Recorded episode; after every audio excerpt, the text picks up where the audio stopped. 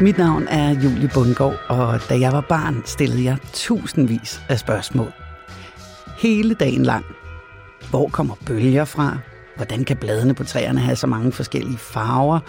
Hvorfor hedder en kniv egentlig en kniv, og hvad nu hvis det, som var en kniv, måske i stedet for hed bil eller bold? Hvad er sjælen, og hvordan ved man, at man har en? Hvor gammel kan et menneske blive, og hvem lavede i øvrigt jorden? Selvfølgelig til mine forældres store irritation, og øh, når det blev for meget, så mindede de mig om historien om spørgejørn, der spurgte så meget hele tiden, at han til sidst fik smæk og blev sendt på hovedet i seng. Ja, børneopdragelse var altså en kende anderledes i spørgejørns tid. Men pointen er, at jeg var ikke i tvivl om, at det der med at stille spørgsmål hele tiden, det bestemt ikke var noget positivt, men øh, derimod noget, jeg skulle holde op med. Men det gjorde jeg bare ikke for jeg var nysgerrig, og jeg blev ved med at stille spørgsmål og spørge ligesom Jørgen, hvorfor dit og hvorfor dat. Jeg fandt bare et arbejde, hvor det er en del af jobbeskrivelsen at stille spørgsmål. Jeg blev nemlig journalist. Direktør Lars Bunderup Bjørn stiller også stadig nysgerrige spørgsmål, men øh, her er vi sådan lidt ude over, hvorfor dit og hvorfor dat. Det er mere spørgsmål som, hvordan kan vi løse klimakrisen? Hvordan får vi bedst muligt løst de udfordringer, der kan være i forbindelse med den grønne omstilling? Samtidig med at Lars passer sin direktørstilling, så kan du også finde ham på de skrå brædder i en amatørforestilling. Eller måske i gang med at skrive koncernens årsregnskab som en lejlighedssang. Og det har altså gjort mig nysgerrig på Lars og hele den virksomhed, han er direktør for, nemlig Evi. En virksomhed, hvor nysgerrigheden bliver dyrket som en egenskab. Velkommen til jagten på nysgerrigheden.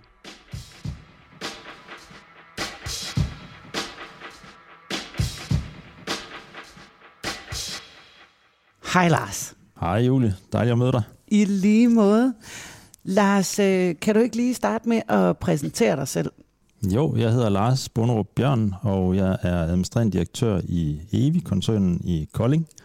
Jeg bor i Fredericia og er far til to børn. Mm. Hvis vi nu sådan skal, hvis du skal gå ud over øh, direktør og familiefar og så videre, hvad er du så for en slags mand? Hmm. Altså, der er en, der fortalte mig, at jeg var sådan en renaissance-menneske. Øh, en, der godt kan lide at lave mange forskellige ting. Øh, jeg arbejder med teater i min fritid. Jeg skriver bøger. Jeg har også forsøgt at skrive digte. Det var virkelig mislykket. Men øh, jeg kaster mig sådan over lidt af hvert. Jeg spiller klaver og lidt af hvert hele tiden.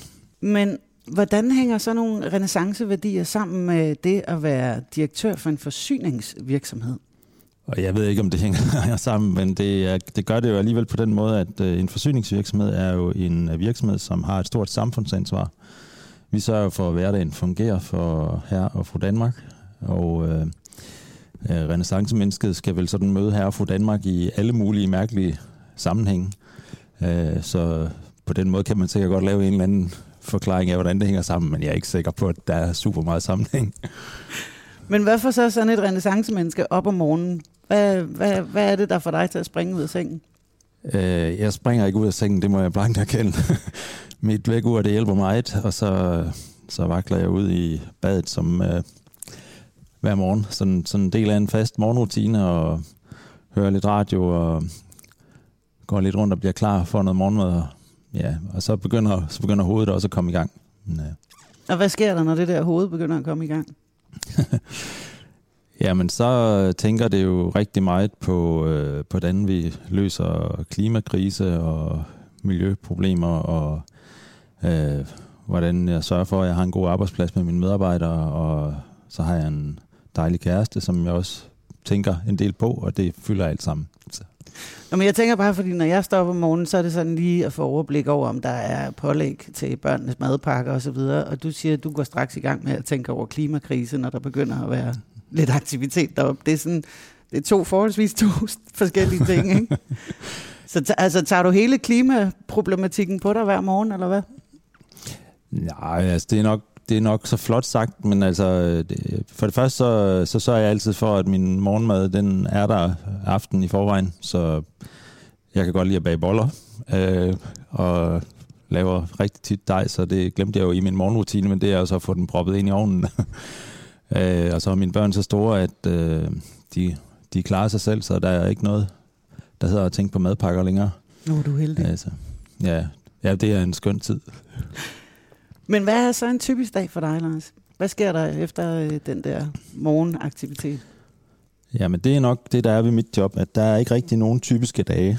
Øh, bortset fra, at øh, jeg møder ind på mit kontor i Kolding, og så er hverdagen øh, på mange måder meget forskellig. Øh, nogle dage der er der mange møder, nogle dage er, skal jeg ud af huset og deltage i arrangementer rundt omkring. Nogle dage skal jeg ud og køre med nogle af vores medarbejdere, og nogle dage skriver jeg kronikker og øh, deltager i en samfundsdebat, og, og det er noget, det jeg rigtig godt kan lide med mit job, det, øh, det er variabiliteten i det. Det er aldrig det samme.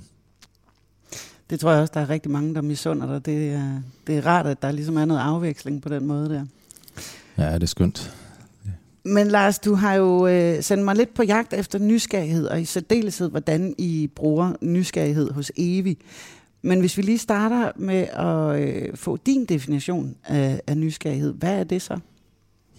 Ja, altså jeg ved ikke, om man kan definere nysgerrighed andet end, øh, det er jo, det er jo den der lyst til at stille spørgsmål og blive klogere og undersøge tingene, finde ud af, hvorfor de er, som de er, og hvordan vi kan gøre dem lidt bedre eller meget bedre. Øh, og, og en, en nysgerrighed har jo rigtig mange aspekter i sig. Det er, det er universitetsforskere, som øh, godt vil finde øh, svar på de store spørgsmål i livet, og det er også, øh, det er også en almindelig menneskelig nysgerrighed over for, hvordan vi har det hver især og øh, trives. Og det er jo rigtig vigtigt i forhold til vores kunder, at vi har den interesse. Det er rigtig vigtigt i forhold til løsningerne på klimakrisen, at der er nogle forskere, der vil deltage i det. Og så er der jo spørgehjørnen nysgerrighed, som er skide irriterende. øh, de der typer, som, øh, som spørger om alt muligt, som, øh, og det er jo det er jo sådan charmerende på en eller anden måde, og det kan også blive meget irriterende indimellem, ikke? men, øh, men øh, det er jo det er jo en del af det så rumnysgerrigheden. Det skal have lov til at være der også. Er du en spørgejern? Øh, jeg tror, jeg er mest et undrende menneske. Sådan, altså jeg, jeg, jeg vil gerne have, at jeg kan forstå tingene i, i nogle, nogle sammenhænge, øh, så, det, så det giver noget mening, og hvis, hvis ikke det gør det, så, så begynder jeg at stille spørgsmål, undre mig. Og ja, jeg vil gerne finde ud af, hvem du er også, for eksempel. Det er, sådan, det er en del af, af min nysgerrighed. Men nu er det jo heldigvis mig, der får lov til at stille spørgsmålene i dag. Ja, men altså, det tror du, men altså, det, er jo, det er jo en del af, det er jo en del af min natur, det er, jeg bryder mig egentlig ikke om at snakke med et menneske, som jeg ikke rigtig ved, hvem er. Øh, Hvad vil du vide, Lars? Kom, så må du godt spørge mig om noget. Jamen, jeg vil jo gerne, jeg vil jo gerne vide, hvem du er. Udover at du hedder Julia, og du er min morgenradiostemme indimellem. Det. Jamen altså, jeg er mor til to, øh, 47, og øh, lykkeligt gift og øh, i parcelhus i forstadet til København. Det bliver simpelthen så gennemsnitsagtigt, som det nærmest overhovedet kan være. Men så er jeg til gengæld også en, som har indrettet mit arbejdsliv, så jeg har enormt meget frihed. Er du selvstændig på den måde? Ja, det er. Jeg har eget firma og eget, øh, mit eget studie, øh, og så sidder mm. jeg faktisk og bonder programmerne derhjemme. Ja. Øh, og, og optager dem der, ikke? og styrer det hele derhjemmefra. Det fungerer altså mega fedt. Og det er sådan ligesom, kan man sige, den måde, jeg dyrker min nysgerrighed på, fordi det betyder, at jeg kan blive ved med at gå ud og stille spørgsmål alle mulige andre steder. Ikke? Ja. Men hvordan dyrker du din nysgerrighed så? Jamen, jeg gør det først og fremmest ved at prøve ting af hele tiden. Det, jeg, jeg, altså, jeg støder en gang imellem på noget, som jeg gerne vil prøve. Nu er jeg kommet i tanke om, at jeg vil lære at spille saxofon, og altså, det, altså, corona har gjort det lidt, uh, lidt til en udfordring for mig. Det kom uh, du bare lige i tanke om, at du vil spille saxofon? Nej, det er sådan, altså det, det har spøgt, det har spøgt i mange år, så, så blev jeg 50 for et års tid siden, og så, ja, så, så kom der lige pludselig en saxofon ind ad døren, fordi jeg nu havde snakket om det, og så skal det også læres, og så meldte jeg mig på et kursus, men øh, nu skal vi så stå med tre meters afstand for ikke at spytte på hinanden, så det er virkelig svært med en underviser på den afstand, og så må hun heller ikke møde op. Og men, men, øh, men Lars, det der, øh, nu vender jeg lige tilbage til det der, men, fordi er du sådan en, der bare kaster dig ud i ting? Fordi hvis man er nysgerrig, som du er, så kan man jo heller ikke rigtig være bange for at fejle. For nogle gange går det jo galt. Ja, og øh, det tror jeg, det skal man ikke være bange for, men jeg kastede mig ud, det tror jeg måske også er for stor ord, fordi jeg er nok sådan en, der, der prøver mig lidt frem, øh, og øh, hele tiden prøver at skubbe det større og større, øh, men altid tager nogle skridt, som er sådan i et eller andet omfang fornuftige, men øh, der er risiko i den, ja, men, men, øh, men konsekvenserne behøver ikke på hvert skridt at være koloenorme. Så jeg, jeg springer ikke ud i faldskærm, for det har jeg ikke, øh, det, det synes jeg, det, det siger mig ikke noget. det, der er risikoen ligesom ude af proportioner. Men kan du så, øh, når du så har alle dine medarbejdere, hvordan styrker du så nysgerrigheden hos dem? Altså hvordan sørger du for, at de ligesom hele tiden også stiller spørgsmål? Ja, altså det er nok, øh, det er jo som leder en af de vigtigste roller, det er i virkeligheden øh, at tillade, at der bliver stillet spørgsmål. Så det har, det har jo mere at gøre med, hvordan jeg møder dem, end med min egen nysgerrighed. Så, så når der er nogen, der kommer med idéer og tanker og vil prøve et eller andet, øh, at så man ikke starter med at sige nej. Øh, sådan grundlæggende altid siger ja, og så kan der være omstændigheder, der gør, at det må blive begrænset omfang, eller eller lidt senere, eller, men, men, øh, men hele tiden prøver at, at virke imødekommende over for de tanker og idéer, der er. Øh, og det kan, det kan man meget nemmere slå ihjel, som lederen man er klar over.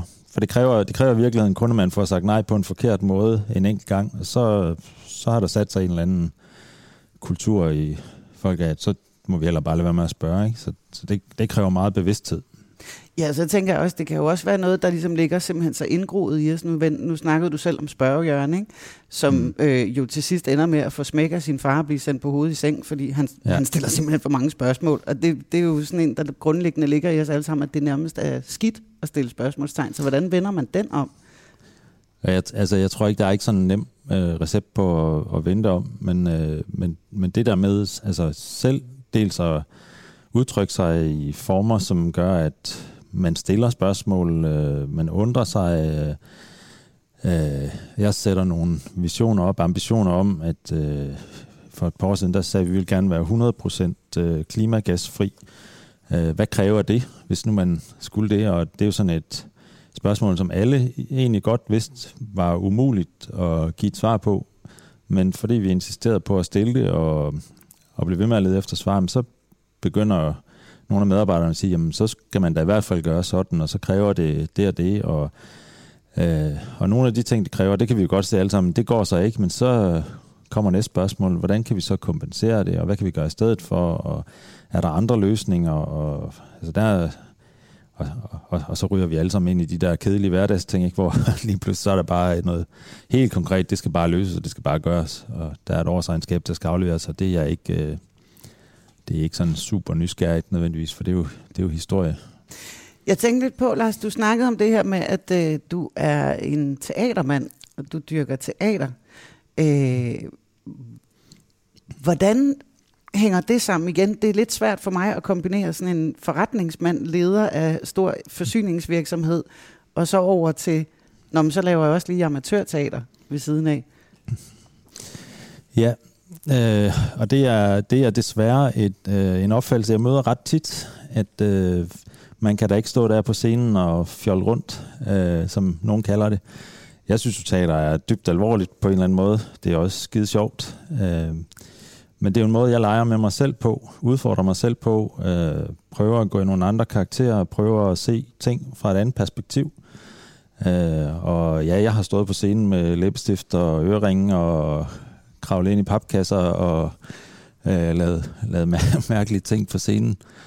Øh, men, øh, men det er leg, og det, det er sjovt. Øh, og det synes jeg altså også, man skal have lov til. Hvordan har du formået at holde fast i den leg? Altså, det er jo noget, mange af os slipper som, som børn eller teenager. Ja, men det, det slap jeg faktisk også. Altså, jeg, var, jeg elskede at imitere stemmer som barn, og så, så holdt jeg op af en eller anden grund, og så blev jeg alvorlig og skulle læse økonomi og Ph.D. og alt muligt. Ikke? Og, men sådan en dag, så stod jeg med, øh, med to ledergrupper, som var i konflikt, og en ret svær konflikt at løse. Og så kom jeg i tanke om, jeg kunne da også øh, lave, skrive en revy til den. Det sagde jeg så til den. Nu kan I gå på sommerferie, så skriver jeg revy, og så når I kommer tilbage, så spiller vi den. og det troede de ikke rigtigt på. Men, øh, men da vi kom tilbage efter sommerferien, så, så havde jeg skrevet en revy og hyret en øh, instruktør. Og så gik vi i gang, og så, så fandt vi ud af, at det der med at lege øh, med hinanden, det var jo øh, det var både sjovt, og så var det jo også alvorligt, fordi det er jo en stor del af vores relationer, at vi kan være afslappet med hinanden og opleve hinanden fra en anden side. Og øh, det var altså, det var, det var faktisk det var en kæmpe stor øjenåbner for os alle sammen, at hvad teatret kunne gøre ved os. Og det var bestemt ikke det store skuespil fra alles side. Altså det, det må man sige. Omvendt så var det også sådan en oplevelse, hvor øh, jeg havde skrevet, øh, skrevet teksten, sådan at det startede med et kor, der ikke kunne synge. Og så var de jo nødt til at blive ledere. Det var sådan ligesom ansatsen til det hele. Øh, problemet det var så, da vi kom til første øveaften, og så satte vi den der sang i gang. Det var Proud Mary. Øh, så sang de alle sammen super godt. Og flere af dem sang i kor, og det anede jeg jo ikke noget om, for det havde vi aldrig snakket om. Øh, og, og så blev det et problem at skulle instruere den til at synge dårligt. men, men, men det er jo bare noget af det der. Så fandt vi ud af, at vi havde et fællesskab, som øh, ingen havde i talsat, fordi der havde været så meget fokus på konflikten. Og, og øh, ja, så er, der jo, så er der jo det at lege med. Men prøv lige at tage mig øh, til det der øjeblik, hvor du tænker, okay, her er øh, to ledergrupper, som virkelig ikke kan sammen. Løsningen er en revy. Hvordan får du den idé? Ja, men sådan, sådan tænker jeg ikke. Altså, der er, der er noget intuition inde i billedet i stedet for. Altså, det er ikke, jeg sidder ikke sådan bevidst og tænker, at nu er, er den der. Jeg, jeg havde sådan en fornemmelse af, at der var brug for noget andet til at løsne op med. Og, og, og det var så lige det værktøj, jeg kunne komme i tanke om. Øh, og, og så kom jeg til at kaste det på bordet. Og så, altså, så tager jeg mig selv på ordet, fordi jeg kan ikke sidde og sige til dem, at nu går jeg på sommerferie, jeg skriver revy uden at gøre det. Det er jo nødt til. Øh, og det var da ikke fordi, at jeg var verdens største revyforfatter. Det, øh, jeg kunne godt skrive nogle, nogle sjove tekster og nogle sjove linjer, men at få struktur på det, altså det knep noget. Så der, der måtte jeg have fat i en dramatiker til at hjælpe mig. Men, øh, det lyder vildt sejt. Det er simpelthen, jeg vil godt have været i den leder, lederkonflikt der. Altså, jeg synes, det er en ja, mega sej måde. Lidelseskonflikt, som du også var lige ved at sige, ja. En lidelseskonflikt. Men det var, det var, det var super sjovt øh, på rigtig mange måder, og det, altså, øh, det, det, det mest fantastiske øh, faktisk, det var også at se, altså udover at lederne kom til at lege med hinanden, den dag de stod på scenen foran medarbejderne, der sad 1100 medarbejdere og kiggede på, øh, og de så, at de der ledere, som de havde været vant til at se konflikt, de lige pludselig havde det skide sjovt sammen. Øh, det gjorde noget ved medarbejderne, fordi så sagde de, jamen hov, hvad er nu det? Øh, kan vi godt have det sjovt sammen, og er den her konflikt i virkeligheden mere afslappet, end vi lige havde troet? Og så det ændrede, det ændrede voldsomt meget på det hele måden, vi talte sammen på. Så ja, du skulle have været der. Kom med næste gang. det vil jeg meget gerne. Souffløse kan jeg blive, eller et eller andet. Ja, ja. Lad os det her eksempel, det stammer jo fra øh, din tid som øh, det, der hedder virksomhedsdoktor. Øh, kan du ikke lige først prøve at forklare, hvad, hvad det egentlig er, og hvad, hvad det var for et kapitel? Ja, nej, altså, det er faktisk fra min tid som direktør for MAN Diesel. Okay. Øh, ja, men virksomhedsdoktor, det, øh, det var jeg så i forlængelse af det job. Øh, har været det i en 10-12 år. Øh, det er et specielt job, hvor at man bliver sat ind af banker øh, i situationer, hvor de har mistet tilliden til en ejer eller en bestyrelse. Øh, og typisk så er det, fordi virksomheden ikke kan betale sine regninger. Øh, og det er, det er relativt sjældne tilfælde. Øh, men, øh, men der er simpelthen behov for, at der bliver sat en ny kraft ind, og øh, en, der kan have en relation med banken, som, som kan spille i de situationer. Det, det giver jo sådan altså noget helt andet end teater, fordi det er en, øh, det er en meget tilspidset, meget anstrengt situation, og det er ikke sjovt for ejerne, når, når de får den besked af banken. Så det kræver jo noget, øh, altså det er noget af det, der ligger i jobbet, det er, at, at øh, man kan gå ind og få bygget tilliden op relativt hurtigt mellem ejeren på den ene side, og stadigvæk holde fast i den tillid, jeg har med fra banken. Øh, og så er der jo nogle medarbejdere, som øh, står foran mig i de situationer, som jeg har måttet fortælle, og det har jeg gjort rigtig, rigtig mange gange, at det er tvivlsomt, om I får løn til månedsskiftet. Men øh, der er en chance for, at I gør det, hvis, øh, hvis vi finder ud af det her sammen. Øh, og så, så skal skabe motivationen i den situation. Mm. Det, er, det er også det er, altså en super god udfordring. på mange måder. Men hvordan kan det så være, at du så kommer over i energisektoren? Hvordan øh, sneg vejen så lige den vej? Ja, men øh, øh, det er der jo to grunde til. Den ene, øh, den ene er, at øh, ligesom alt andet, så bliver det også rutine at stå og fortælle folk, at det er ikke sikkert, at I får løn til månedsskiftet. Det lyder lidt... Heller, måske heller ikke det sjoveste at stå og fortælle folk tit Nej, ofte, det er det jo ikke. Men det er jo, det, er jo, det er jo svære problemer at løse, og det er jo det, der er sjovt. Ja. Øh, men der gik rutine i det, så jeg trængte til, at der skulle ske noget andet. Det var sådan en vinkel, og så så har jeg sådan lidt forskellige baggrund. Jeg har været øh, formand for et universitet, øh, Aalborg Universitet og Frederikshavn Havn og øh, Center for Kultur og Udvikling under Udenrigsministeriet og sådan forskellige infrastrukturelle ting. Og jeg har prøvet at stå i kriser, og Evi havde på det tidspunkt været igennem en krise, og så jeg var sådan en mærkelig støbning, som, som passede lige til den situation, øh, Evi var i. Øh, og så havde jeg lidt baggrund for energisektoren, fordi jeg havde været ved Aalborg Industries og en Diesel, som øh, begge to laver udstyr til energisektoren. Øh, så jeg kendte en lille smule af sproget, men det var mange år siden. Men øh, det var det, der førte herover. Og nu står du så øh, som, som, som direktør for, for Evi, og I leverer mange forskellige øh, produkter til jeres, til jeres kunder. Hvordan hænger de her sådan forholdsvis forskellige produkter sammen i, i, i ligesom en virksomhed, eller forskellige fagområder? Hvordan hænger de sammen? Ja, men de hænger jo først og fremmest sammen med, at øh, vi leverer øh, det, der vi kalder det for livets selvfølgeligheder. Altså, der er vand i hanen, der er strøm i stikkontakten, varme i radiatoren, og det internet, der virker. Øh, og, og øh, vi har jo ingen kunder, der ringer ind og begejstrer og siger, hvor er det fedt, der var strøm i stikkontakten i dag igen. Øh, vi hører kun fra kunderne, når det ikke virker. Øh, og, øh, og det er jo det, det, det er sådan en stor del af kernen i virksomheden, at, at det, det er ting, som er selvfølgeligheder for Herfru Danmark. Og så er det jo øh, ydelser, som øh, sådan øh, historisk har været for, altså bliver kaldt forsyningsydelser, og som jeg tror mange har sådan en lidt kedelig opfattelse af, men som lige pludselig over de seneste år her er rykket ind i centrum af den store dagsorden om øh, kring øh, hele klimakrisen og vores øh, vandmiljøproblemer og altså en helt, helt stribe af de sådan meget store øh, politiske øh, ting, vi har foran os. Og det er en sektor, som, øh, som blev sådan stærkt etableret i 50'erne og 60'erne, og som nu står med et øh, forældet, eller et aldrende, må vi hellere kalde det, produktionsapparat, som skal skiftes ud, og det betyder også, at det er nogle milliardstore investeringer, der skal rulle ud over Danmark i de næste mange år, og, og derfor betyder det også øh, rigtig meget for skatteborgere og for, for elkunder, øh, hvad er det, vi gør. Det, øh, det har ret stor konsekvens, om vi gør det rigtigt. Ja, for jeg skulle lige til at sige, I er vel ret afhængige både af stat og øh, måske også af andre øh, forsyningsselskaber, for at I ligesom får bygget den samme infrastruktur op, eller i hvert fald kan bruge hinanden Ja, lige præcis. Det, øh, der er jo sådan et sjovt samspil mellem, at, at vi på den ene side lidt bliver betragtet som, øh, altså som vi er jo infrastruktur, men som en, som en del af staten, og det er vi ikke. Vi er en, en øh, i virkeligheden selvejende virksomhed. Øh, så, øh, så det betyder noget, øh, og samtidig så er noget af det, jeg har været sådan meget kritisk overfor, det er, at Danmarks evner til at lave infrastrukturplanlægning er ret dårlige efterhånden. Øh, vi trænger til nogle beslutninger om, skal vi hvor, hvorfor, hvorfor er Danmark dårlig til at lave infrastruktur efterhånden? Jamen, øh, fordi vi, vi har etableret et energisystem, som, øh, som spiller så godt øh, og ned i nogle...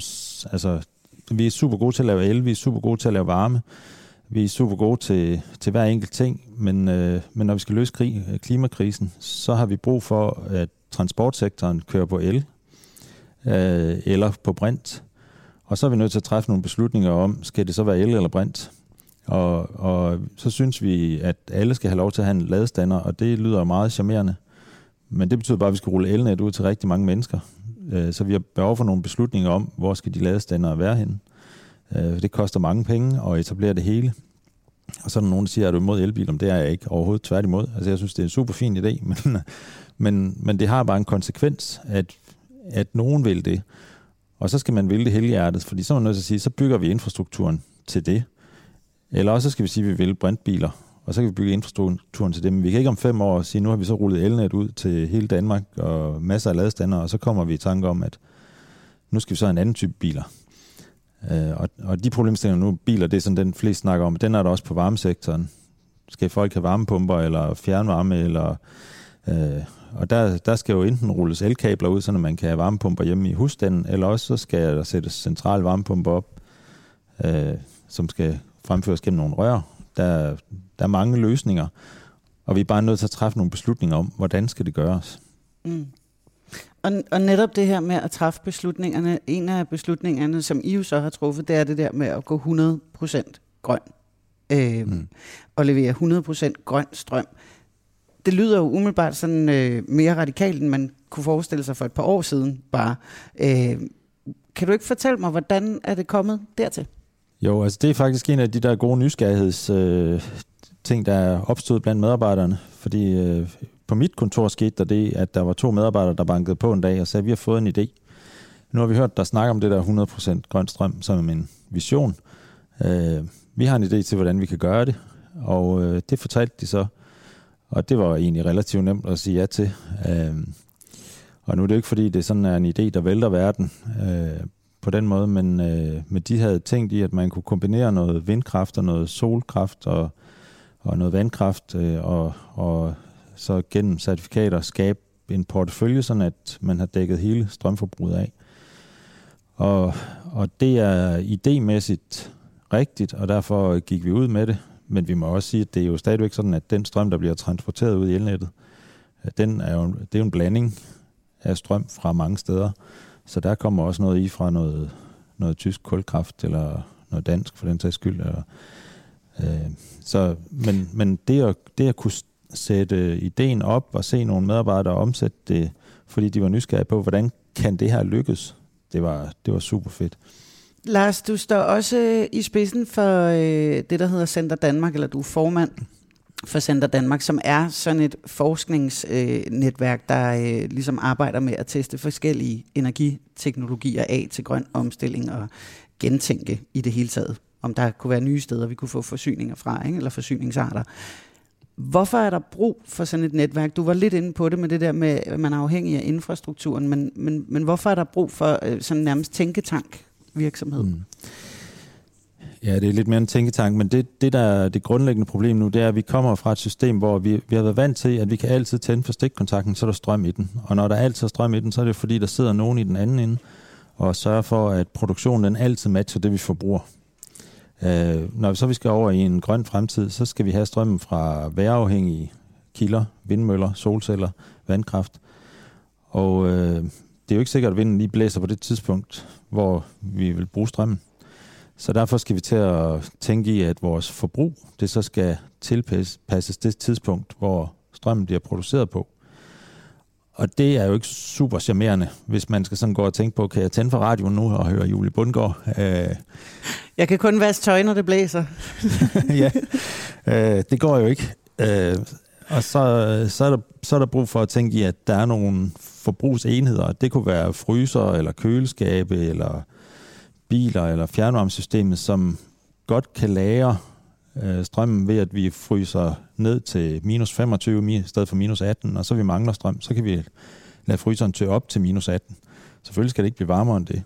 Og vi kan måske godt varme huset en ekstra grad op, når vi nu har strøm nok, øh, og så kan vi lade den køle af, når vi mangler strøm, den der er i en grad. Det skal ikke være sådan, vi sidder og fryser, men, men der, der er sådan en masse, masse fleksibiliteter i, i øh, vores, vores huse og infrastruktur. Og øh, det er det, vi prøver at få i spil i Center Danmark. Øh, og så kan vi faktisk få meget mere ud af vindmøllerne, fordi det, som ingen rigtig tænker på i dag, det er jo, at vindmøllerne de står jo stille en stor del af tiden, hvor de, hvor de kun producerer meget mere. Mm. Og det koster jo også penge, når vi har kapacitet, som vi ikke bruger. Øh, så det er noget af det, vi prøver at udnytte i Center Danmark. Nu fortalte du før, Lars, det her med, at øh, når jeg øh, køber det, jeg mener er grøn strøm, så er der stadigvæk noget blandings og, og noget fra nogle tyske kraftværker osv., men det ligesom er opvaret med de her øh, certifikater. Kommer der på et tidspunkt, hvor at jeg kan være 100% sikker på, at det er 100% grønt det hele? Der vil gå nogle år endnu, øh, men, øh, men tidspunktet skal nok komme. Øh, men det kræver, det kræver en ret stor systemomvæltning at nå derhen. øh, når, vi, når vi sådan siger 100 procent. Men, øh, men vi er på vej, øh, og, og jo bedre vi bliver til at udnytte fleksibiliteten i systemet, jo, jo flere solceller og vindmøller vi får ind i systemet, øh, jo bedre er forudsætningen for det. Øh, men vi er jo afhængige af, at Danmark er et transitland på strøm. Vi får strøm øh, fra Tyskland og fra Norge og Sverige, og vi sender strøm til Tyskland, Norge og Sverige. Øh, så vi er også afhængige af, hvilke beslutninger man træffer ude i Europa. Og øh, det skal vi bare være bevidste om i, i energisystemet, at, øh, at vi er afhængige af Europa, og det, vi har brug for et samarbejde med Europa. Og det er jo så også fordelen, eller en anden mulighed, at, at øh, når der er overskudsstrøm fra vindmøllerne, så kunne vi jo sende det til et andet land, hvor de så skal bruge det. Og måske kan vi så hente noget der også. Men det kræver lidt, at vinden den skal blæse lidt koordineret, og det, det, er, ikke, det er ikke super nemt. Det er så irriterende med den vind der, at man ikke lige kan få styr på den. Så Lars, bottom line, hvornår ser jeg fuldstændig grøn energi? Jamen, øh, nu er der blevet sat sådan nogle sjove måler op, som hedder 2030 og 2050, og det bliver ikke i 2030. Øh, det, det kan jeg ikke se for mig, men, øh, men 2050, der er, det, der er det meget sandsynligt, at det er der. Lars, nu, nu øh, har du snakket lidt om at være teatermand og så videre, og kombinere det med, med en stilling som direktør. Og jeg ved også, at du har taget noget af det her med ind i dit direktørjob. Blandt andet, da du skulle præsentere årsregnskab. Hvordan foregik det? Se vi i Kolding skulle vi have fejret vores års resultat. 516 millioner kroner. Det er fænomenalt. Vi skulle have sunget, vi skulle have danset sammen. Krop i spagat. 516 blev til covid-19. Vanvid 20,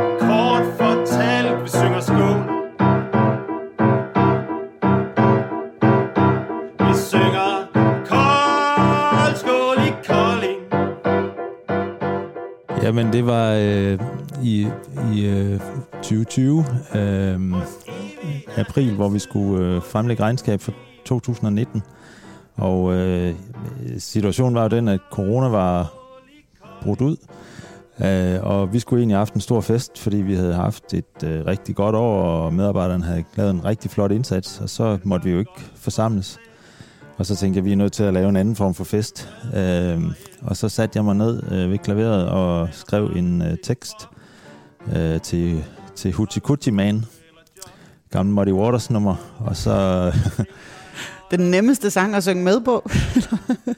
ja, ja, den hedder Koldskål i Kolding. Øh, og jeg har hørt, den gik, øh, den gik viral i nogle børnehaver.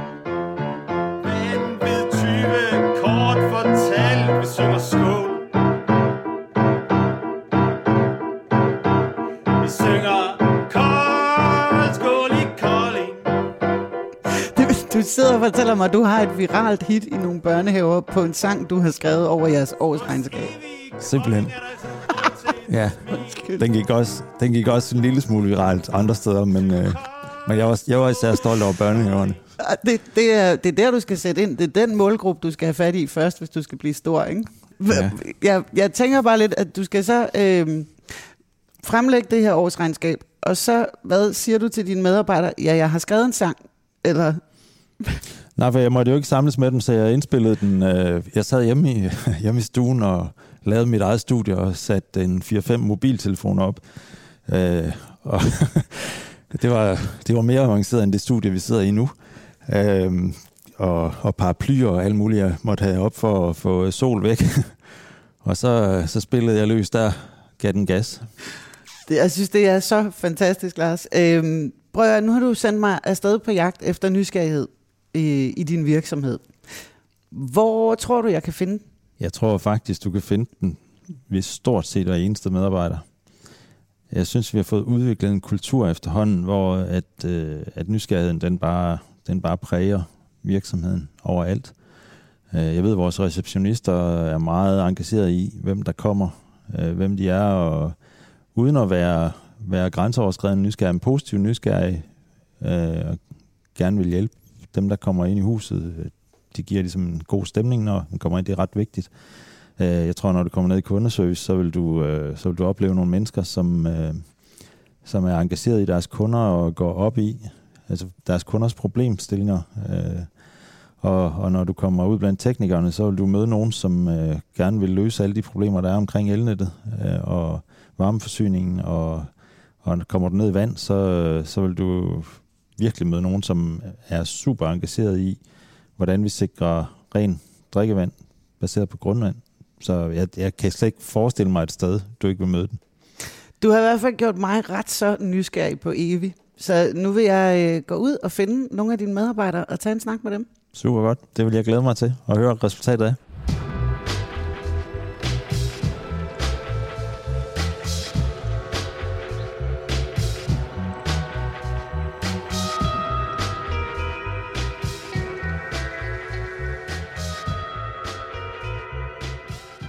Podcasten er produceret for Evi af Bauer Media og Densu X. Mit navn er Julie Bundgaard. Redigering og klip Martin Birgit Schmidt. Musik Rasmus Hamann. Redaktør Rune Born Svarts. Du kan læse mere om Evi på evi.com. Det er e w i .com.